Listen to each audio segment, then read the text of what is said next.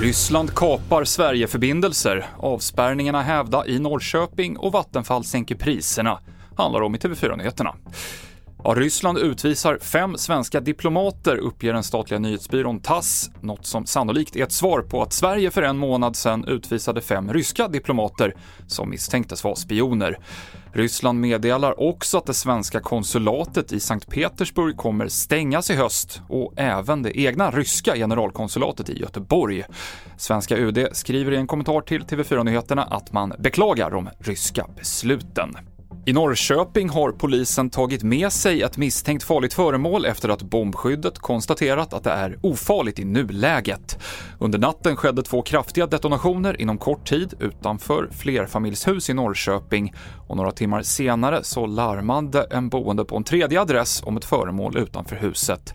Flera fastigheter och lokaler utrymdes, men nu har de avspärrningarna hävts.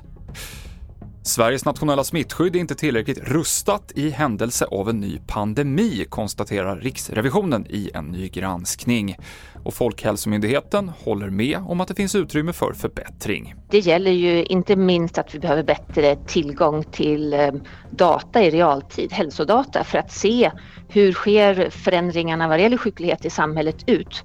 Så att vi kan göra snabbare analyser och rikta både skyddsåtgärder men också vara försiktig med att vidta alltför inskränkande åtgärder i de delar av Sverige och det kan gälla både geografiskt men också um, olika grupper i samhället som kanske har en ökad förekomst av smitta. Så oerhört viktigt att vi nu gör, tar ett lärande från det man har identifierat i rapporten eh, och också att hela samhället rustar sig bättre.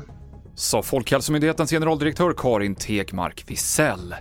Och Vattenfall sänker sin elnätsavgift med i snitt 34% eftersom elpriserna blivit lägre än väntat i år. Sänkningen gäller mellan juli och december och omfattar både hushåll och företag. Och sänkningen blir mellan 700 och 2100 kronor för en villakund och omkring 300 för den som bor i lägenhet under den här perioden, enligt Vattenfall. Det avslutar TV4-nyheterna med Mikael Klintevall i studion. Ny säsong av Robinson på TV4 Play. Hetta, storm, hunger. Det har hela tiden varit en kamp.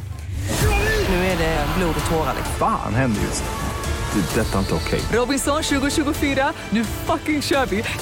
Streama söndag på TV4 Play.